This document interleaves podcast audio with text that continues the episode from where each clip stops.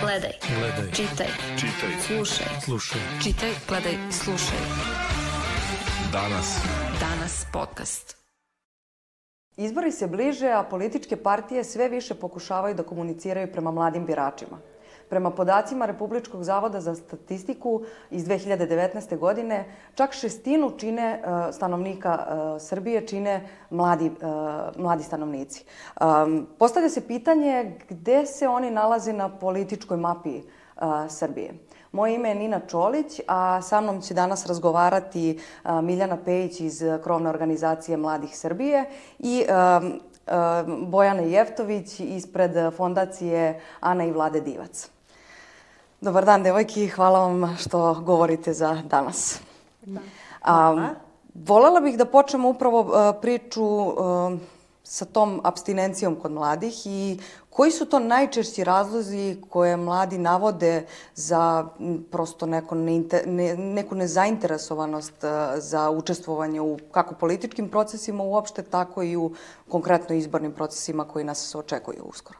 Pa, Ako mogu ja da, može, da ovaj počnem sa jednim ovako, možda ne toliko svežim istraživanjem, ali prema poslednjem zapravo istraživanju koje je Krovna organizacija Mladih Srbije realizovala u 2021. godini, koje objavljujemo za Međunarodni dan mladih u avgustu, videli smo da je jedan od dominantnih razloga zbog čega mladi ne učestvuju u donošenju odluka stav da ne mogu da utiču na njih. Zapravo da su većina tih procesa zapravo nešto izveštačeni, fingirani i da njihov uticaj zapravo nije u dovoljnoj meri vidljiv i da politike, procedure, stanje se ne bi promenilo njihovim učešćem.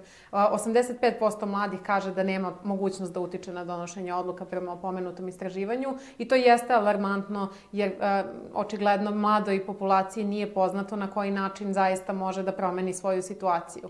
I e, ono što i kroz neka druga istraživanja pokazujemo jeste da e, zaista mladi nemaju ni poverenje u institucije koje bi trebalo da rade za njihov interes i da postoji jedan veliki jaz između e, Narodne skupštine, između ministarstava, između čak i kancelarije za mlade koje bi trebalo da su im negde najdostupnije na lokalnom nivou naročito. Tako da kada se sve to sabere, nekako mlada osoba nema podsticaj da se uključuje i ne vide toliko ni značaj samih izbora, iako se oni češće dešavaju od četvorogodišnjeg ciklusa kako bi trebalo. I dalje mladi misle da taj jedan glas ne može ništa da promeni, a kada skupimo sve te mlade glasove imamo preko milion birača koji zaista mogu da naprave promenu. Mislim, dodatno sa druge strane što negde na nekim rukovodećim položajima i položajima koji donose neke promene, mi ne vidimo mlade ljude. E, prema našem i takođe poslednjem istraživanju indeksu participacije mladih, mi vidimo da e, situacija jeste da nema, e, nema mladog, mladih ministara, da je jako mali broj e, mladih koji su zamenici ministara, Iako je, recimo, u odnosu na druge zemlje u regionu, imamo 7,5% mladi koji su u parlamentu, ali to i dalje jako mali procenat i to možemo samo da zahvalimo činjenici da na prethodnim izborima je vladajuća e, e, partija odnela toliko veliki broj mandata, pa u tom velikom mandatu se desilo da ima e, da ima i mladih ljudi. I sad mladi konstantno vide neke druge ljude koji donose odluke u njihovo ime i to je na neki način vrlo jasna poruka. E, mi imamo super snimke, imamo super spotove, e, na njima su prelepi mladi ljudi, oni traže stambeno pitanje, oni traže, ovaj, traže rešenje za prvo zaposlenje i ostalo, ali ako mi realno pogledamo šta se desi posle izbora, desi se to da prosto nema mesta za mlade ljude u izvršnim, u izvršnim vladi, I to je nekako vrlo jasna poruka mladima da e, prosto za njih nema mesta, nema mesta u politici. E, sa jedne strane jeste to političko pitanje, sa druge strane jeste i kulturološko pitanje, jer mi sad imamo sredinu gde, e, i ako se pojavi mlada osoba na rukovodećoj poziciji, on će reći, pa kako je moguće da mlada osoba sa 20 ne znam, 7-8 godina bude ministar ili kako je moguće da bude na nekom direktorskom mestu. Mi zaista imamo nove generacije koje imaju nove potrebe, koje imaju e, novu vizije probleme, koje imaju drugačiji način potrebe komunikacije, koje je trenutno e, sadašnji, posebno na lokalu, nažalost nije razvijen i to je nekako poruka koja nije dobra. Mladi jesu 20%, 20% populacije, oni mo, neko zaista mora da brine o njihovoj potrebama i o njihovim e, e, načinima komunikacije koji su njima potrebni. A kada govorimo generalno o tim načinima komunikacije i spotovima i da li tu možemo negde da ubrojimo da je neka vrsta kampanje i nekog pokušaja da se približe mladima nedavni izlasci političara na društvene mreže kao što su Instagram, TikTok i to neko uklapanje u aktuelne trendove. Da li je to možda neki od, od poslednjih koraka koji smo mogli da vidimo, a da zapravo ima nek, nekog efekta kada su mladi u pitanju? Ono što, recimo, što se tiče našeg indeksa, mi već pet godina pratimo uh, postojanje uh, online kanala komunikacije. Za mladu osobu nerealno je da će da uđe u svoju lokalnu samoupravu, da ode do neke oglasne table, da će možda biti okačen neki papir. Uh, da bi mlada osoba bila uopšte uključena u bilo kakav proces donošenja odluka, neophodno je da postoji kanali komunikacije da oni budu online. I kad govorimo o to, mislimo i na website, mislimo i na bilo kakvu društvenu mrežu. E, sad, ako vi uporedite nacionalni nivo, to i toliko nije, toliko nije loše. E, većina nacionalnih institucija zaista ima i website i, i online kanale komunikacije. Međutim, kad se vi spustite zaista na lokal, Vi vidite da tu postoje naravno sajtovi, u redu je neki procenat, to čak ide do 80-85% opština posjeduje online kanale komunikacije, ali oni su daleko e, funkcionalni, daleko od toga da oni zaista su interaktivni, da mogu da obezbede komunikaciju sa mladima. I ti poslednji trza i novih, naravno, političkih opcija jeste zaista da jedini način komunikacije u budućnosti je posebno će biti e, potpuno online komunikacija i nekako završavanje e, e, uključivanja u proces donošenja odluka biće potrebno da se nekako podigne na sledeći nivo i da zahteva određenu, određenu komunikaciju. Činjenica da i političari e, e, prosto okreću se ka društvenim mrežama, to može da bude jedan dobar impuls, e, ali nama ne treba da budu političari na društvenim mrežama, nama treba da institucije budu na društvenim mrežama i da mladi na taj način, jer osnov da se neko uključi u neki proces odluka jeste informacija. Ja ne mogu da se uključim, ne mogu da ni bilo šta uradim ako ja nemam informaciju i kanal i to je nešto što, što težimo i to je nešto što bi mi u stvari voleli da vidimo kao, kao promenu nakon, nakon ovih izbora. Da, apsolutno sam saglasna sa tim koliko je važno biti prisutno, biti prisutan na digitalnim kanalima komunikacije.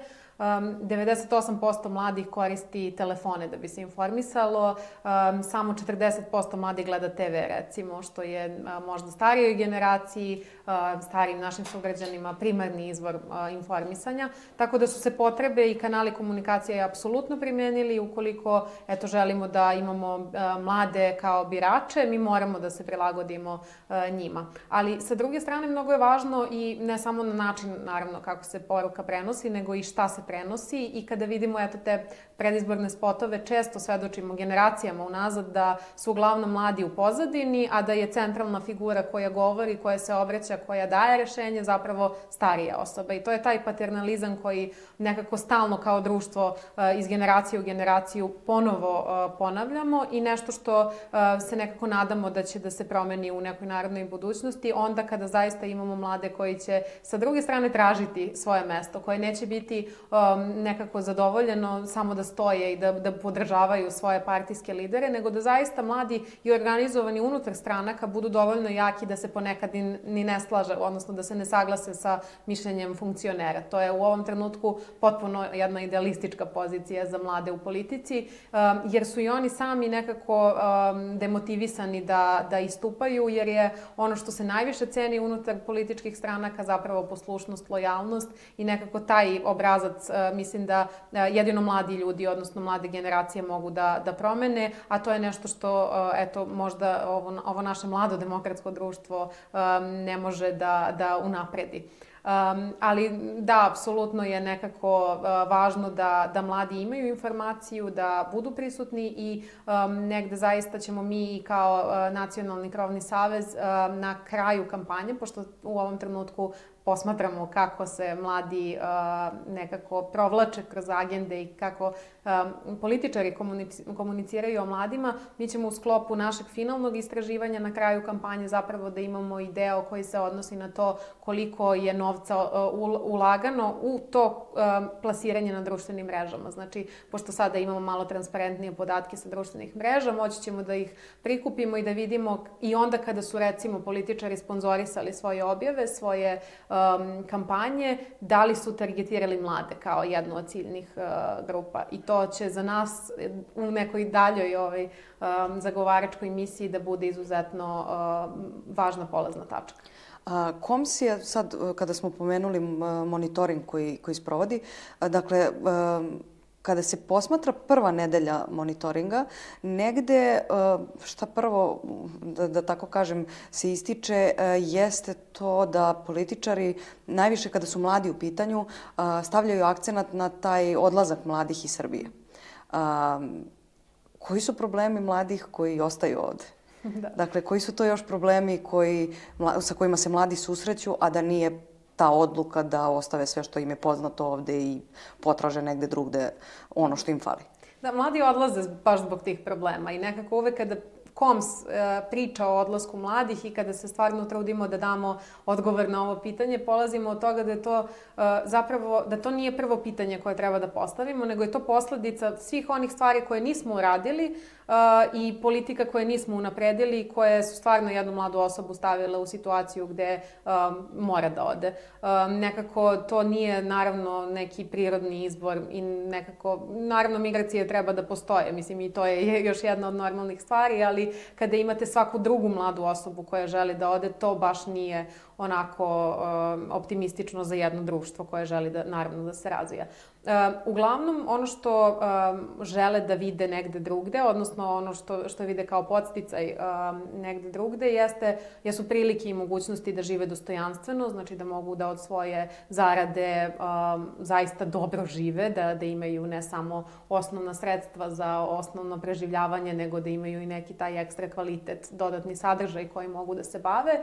I sa druge strane, dosta im je značajno da imaju i prava i slobode koje možda u ovom trenutku uh, nemaju. Um, još jedan od važnih razloga i nešto što je recimo u odnosu na 2020. pošto smo i tada vršili monitoring, drugačije u ovom trenutku, jeste da se dosta više govori kroz kampanju, ali negde vidimo da je, da je to odgovor na potrebe, um, o samostalnom uh, životu, odnosno o stambenom osamostaljenju i to je jedna tema koja je nevezana od uh, političkih ideologija i opredeljenja. Zaista jeste tema koja, uh, eto, od prve nedelje monitoringa do ove sad poslednje četvrte prožima većinu političkih partija koju, koji pričaju o mladima. Nažalost, postoje partije koje do sada nijednom nisu pomenule mlade, ali ovi koji jesu zaista govore o stambenom osamostaljenju. Ono što je sad tu ovaj, um, negde uh, dodatno važno jeste da ne govorimo, pošto se uglavnom okvir o, o, o ovom pitanju uh, ticao recimo samo mladih bračnih parova i on je vrlo demografski.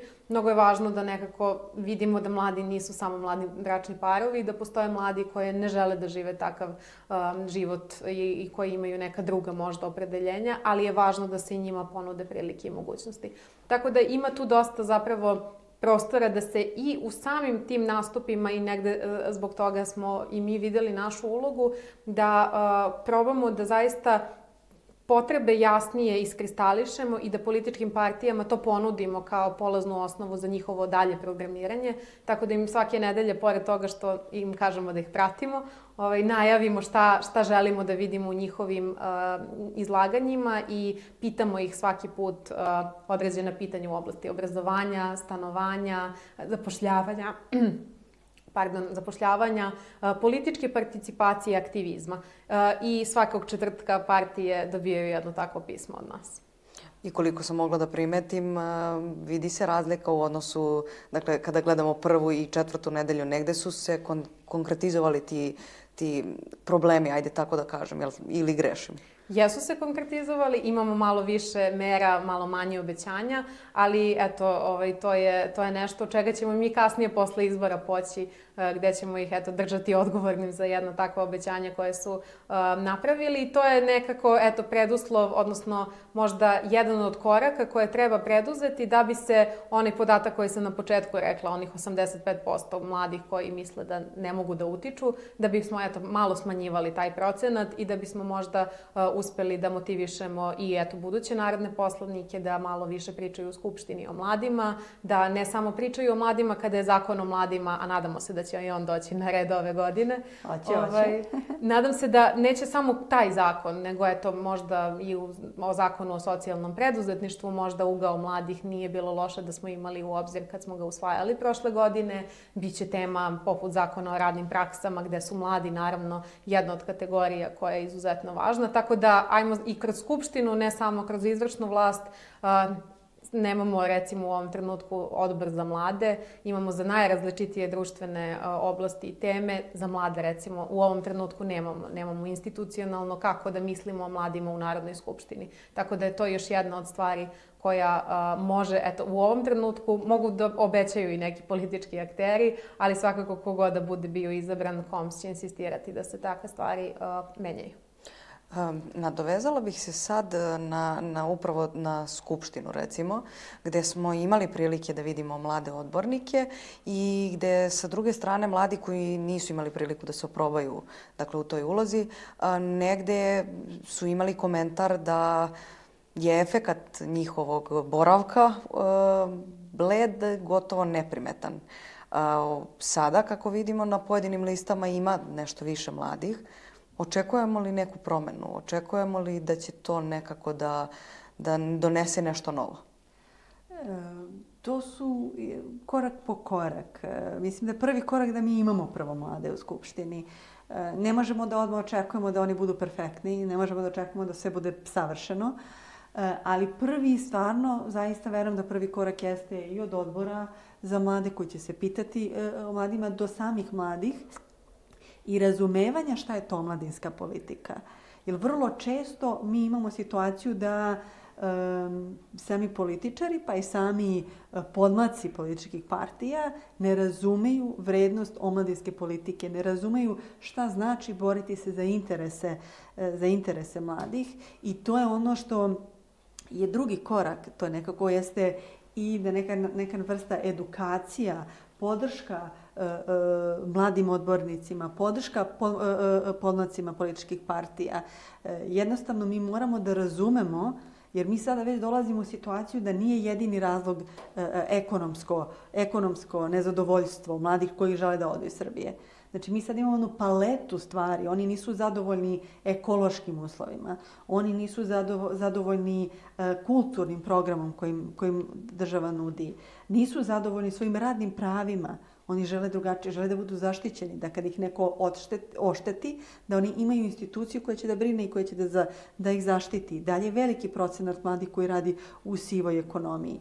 E, e mi moramo da osvestimo e, e, na prvo mesto mlade odbornike, ali odbornike da razumeju probleme mladih, jer nije samo obezbediti E, stan, stambeno pitanje, pogotovo ne samo mladim bračnim parovima, već je potrebno stvarno e, jedna kontinuirana briga o mladima, e, jedan način da mi ne govorimo o njima kao patičnim, kao nezainteresovanim, jer je to najčešće poruka koje mladi dobijaju. Da su oni nezainteresovani, da su apatični, da oni imaju celu svoju novu dimenziju, da oni neće da rade. Ne, oni žele da rade. Oni kad odu u inostranstvo, oni su, budu najbolji radnici tamo. Oni, mi imamo fantastične uh, um, i naučnike uh, i, i prosto uh, ljude koji odlaze i postižu uh, odlične rezultate u inostranstvu. Ali oni žele jedan stabilan sistem koji će da nagrađuje njihov rad, koji će da prepoznaje njihovu marljivost i to je nešto što mi moramo zajedno,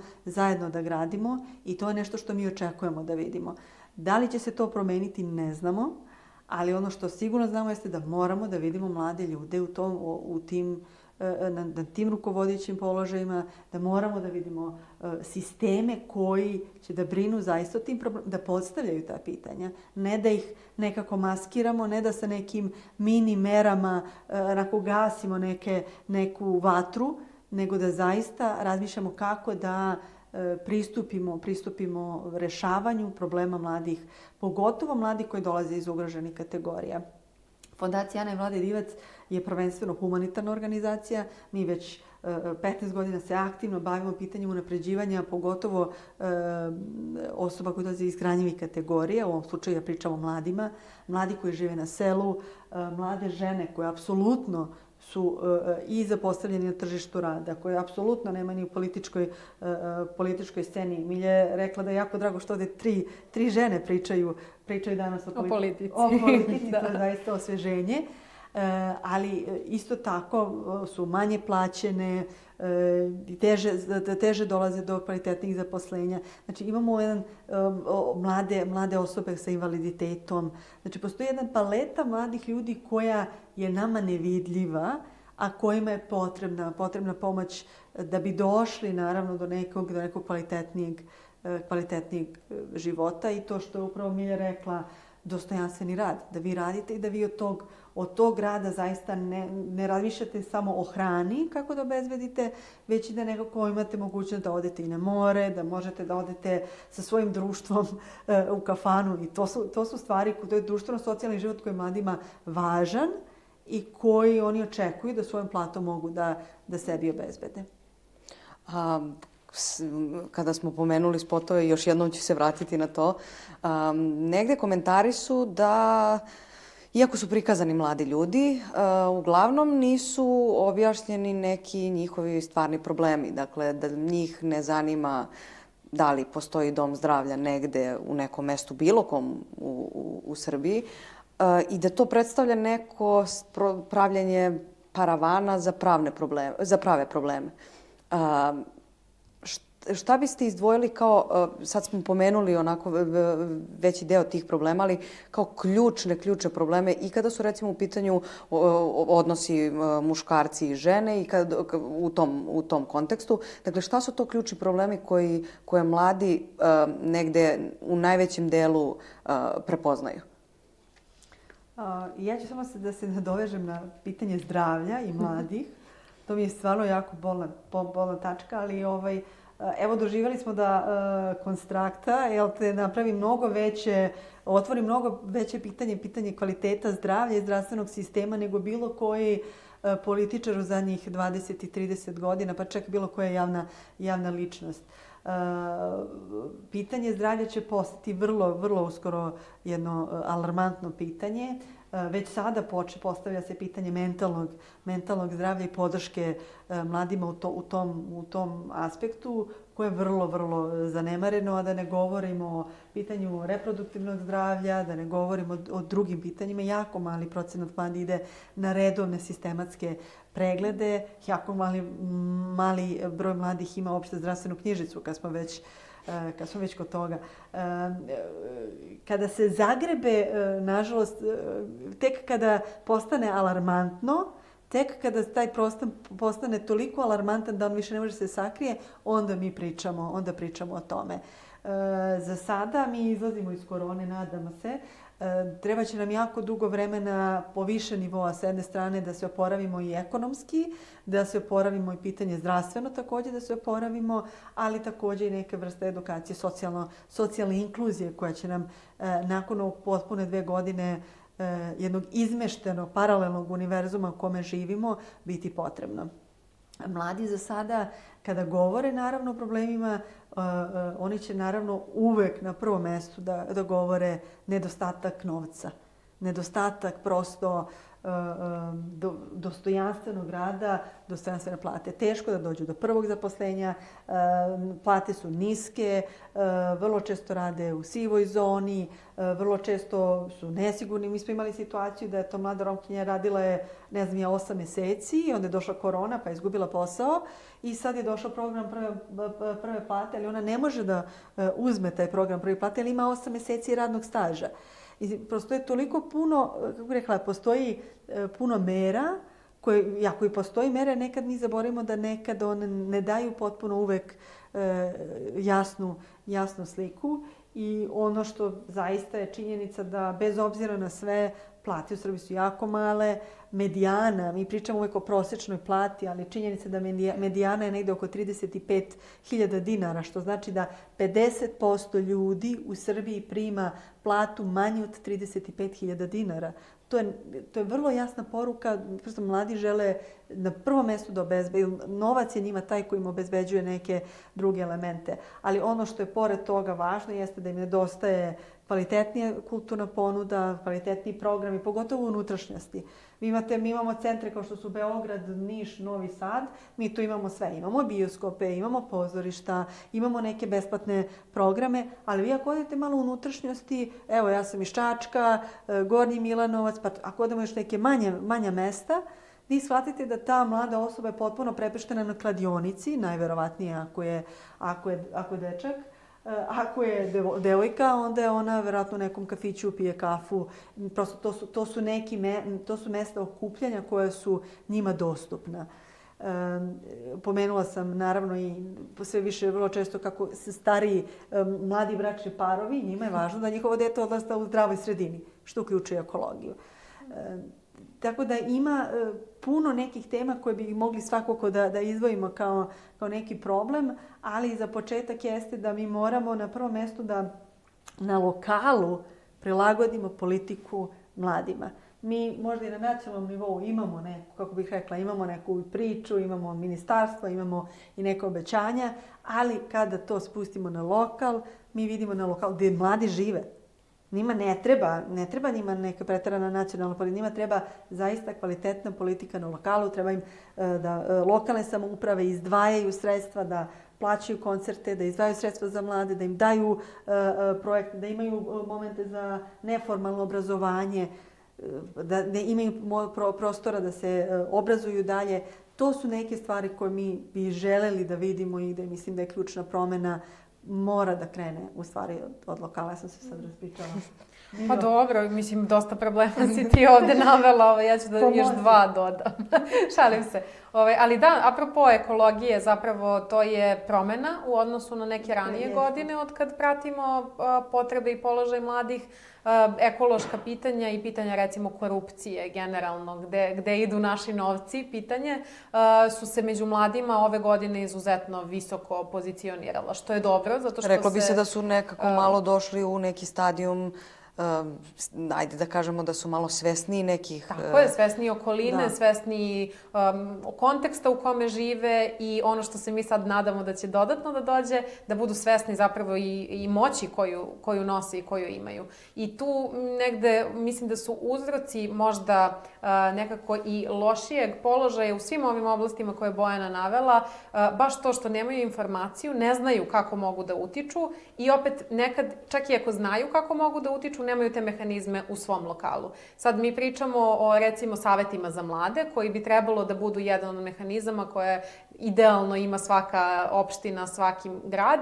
I sad ja ne moram iz Leskovca ili iz Beograda da se pitam o tome šta je problem mladih u, um, ne znam, Medveđi ili u Čačku ili negde drugde, nego postoji telo koje, u koje učestvuju i mladi, koje će samo da kaže da li im je bezbednost prioritet, ili će da se predomisli pa će da kaže trebaju nam domovi zdravlja koji će da nam pružaju usluge koje, se, koje su u oblasti seksualnog reproduktivnog ili neka treća tema koja se niko od nas ne bi setio, mladi u poljoprivredi recimo ukoliko je to neko ruralno mesto.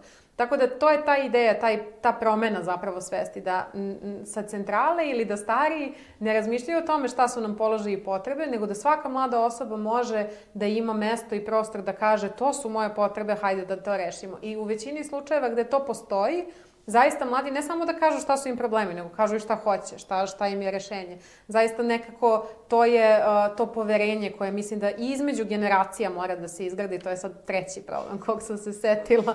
ovaj, to što nekako stalno se uh, vidimo kao neprijatelji umesto baš obrnuto, kao nije ulaganje u mlade, ne ulaganje u nešto drugo, nego time što ulažeš u mlade, ti zapravo pomažeš i sam, sam sebi. Ulaganje recimo i, i reforma penzionog fonda apsolutno utiče i na mene koja sam u radnom statusu i koja sam mlada osoba. Tako da i taj neki aspekt, eto, jedne politike koja ima uticaj na različite društvene grupe je nešto što treba nekako da se okuraži e, među mladima da bude isto važna i tema. I naravno neka ne, ne uključujem širu društvenu uh, sliku i grupu.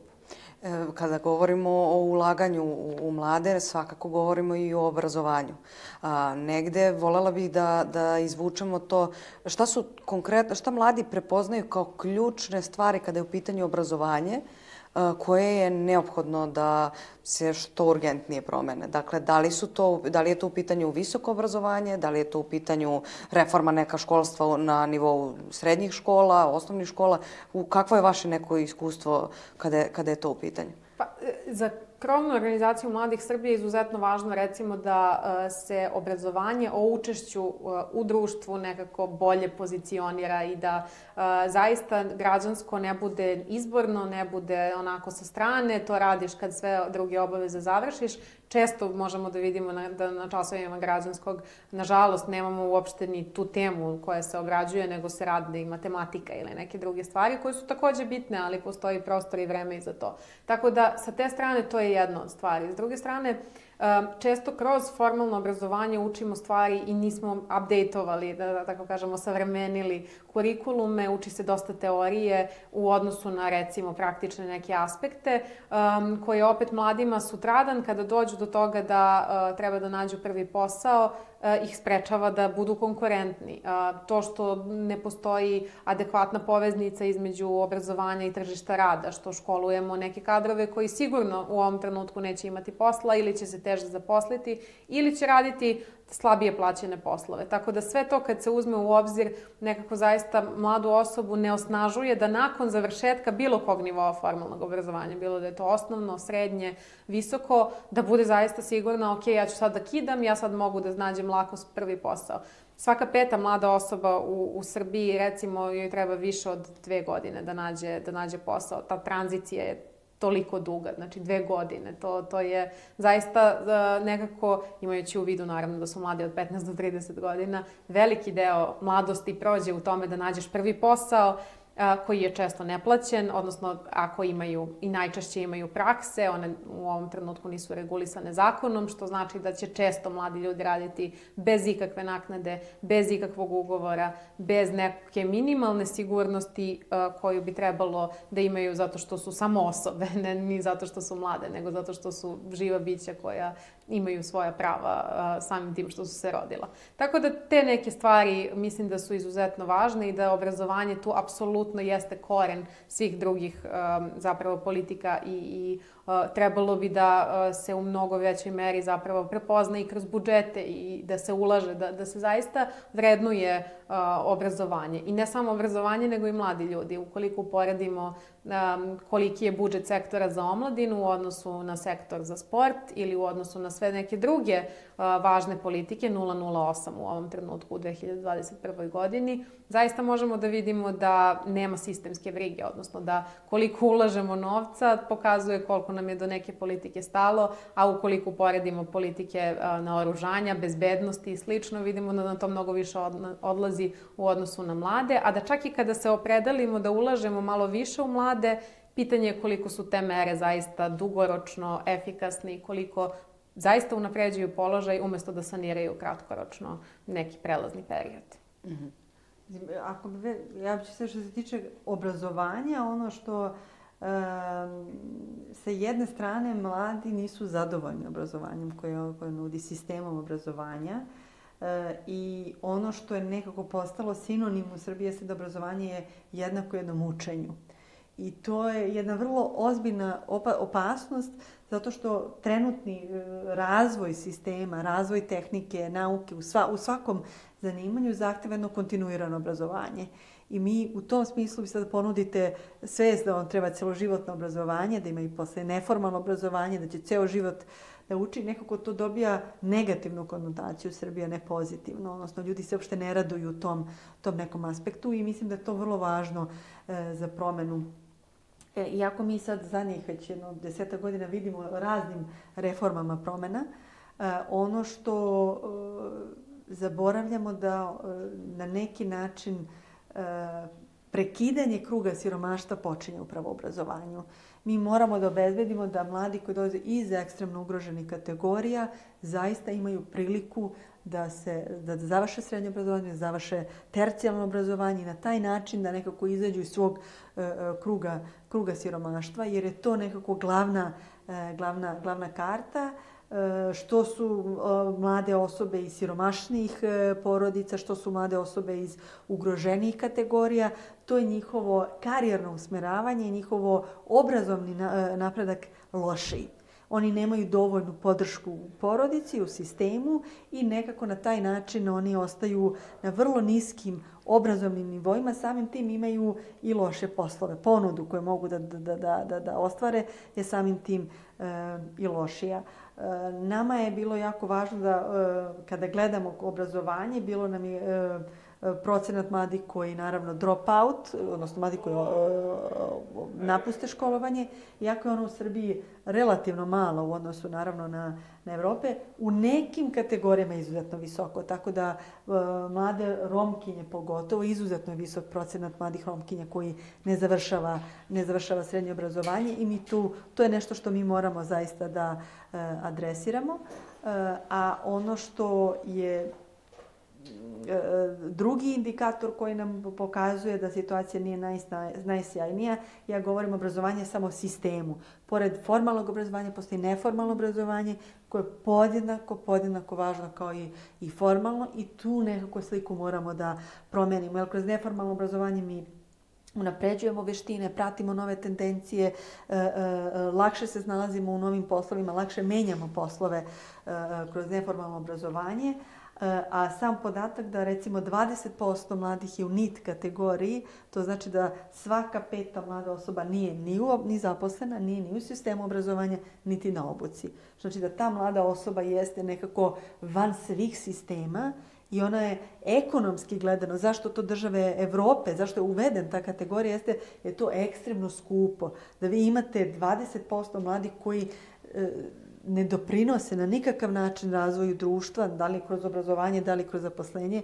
je zaista vrlo skupo i bačeni su jako resursi. I to je negde prostor koji u stvari ostavlja mogućnost da nekako radimo na podršku posebno mladi koji dolazi iz ugroženih kategorija. A, tu bih negde da zaključimo priču i e, samo eto za kraj, e, pomoć države od 100 evra mladima. E, kupovina glasova ili čisto eto neka, neka ajde da kažemo, um, namena. Da nazovemo da je, da je eto da ih se neko, neko setio. Samo je to ukratko. Uh, ukratko, uh, kao uh, humanitarna fondacija, mi se borimo protiv, znači, postoje mladi kojima tih 100 evra život znači. Mi imamo i humanitarne stipendije za srednjoškolce koje dajemo. I mi vrlo dobro znamo šta znači 100 evra mladoj osobi koja dolazi iz ekstremno ugrožene kategorije, koja dolazi iz siromašne porodice, da su bez jednog roditelja ili gde su roditelji, oba roditelja bolesna ili gde e, prosto mora da pešači 8 km do škole. Njima tih 100 evra znači previše, dok određenim brojom većini mladih u Beogradu to znači jedan dobar provod, dobar provod e, u kafani, ne svima naravno, tako da u tom kontekstu e, više bismo volili kao fondacija, više bismo volili da vidimo na neki način e, mere koje će biti usmerene ka na prvom mestu zaista najugroženijima kojima je potrebno na prvom mestu. Jasno. Pa, pa, izuzetno je tužno zapravo što 100 evra zaista znači toliko u ovom trenutku jednoj mladoj osobi. I zaista ne možemo da tvrdimo da je to jedna dugoročna mera koja dovodi do unapređenja položaja mladih, već vrlo kratkoročni odgovor na eto, izuzetno težak položaj mladih. Tako da uh, taj novac uh, kao KOMS vidimo uh, bolje utrošenim u sistemsku brigu, u sektor za omladinu, dakle postoji telo koje se bavi jednom takvom uh, politikom i bilo bi lepo da je godišnji budžet recimo mi, sektora za omladinu baš toliki koliki je otišao na 100 evra mladima. Hvala vam puno što ste govorile za podcast Lista danas. Hvala, ne, hvala vam puno. Gledaj. Gledaj. Čitaj. Čitaj. Slušaj. Slušaj. Čitaj, gledaj, slušaj. Danas. Danas podcast.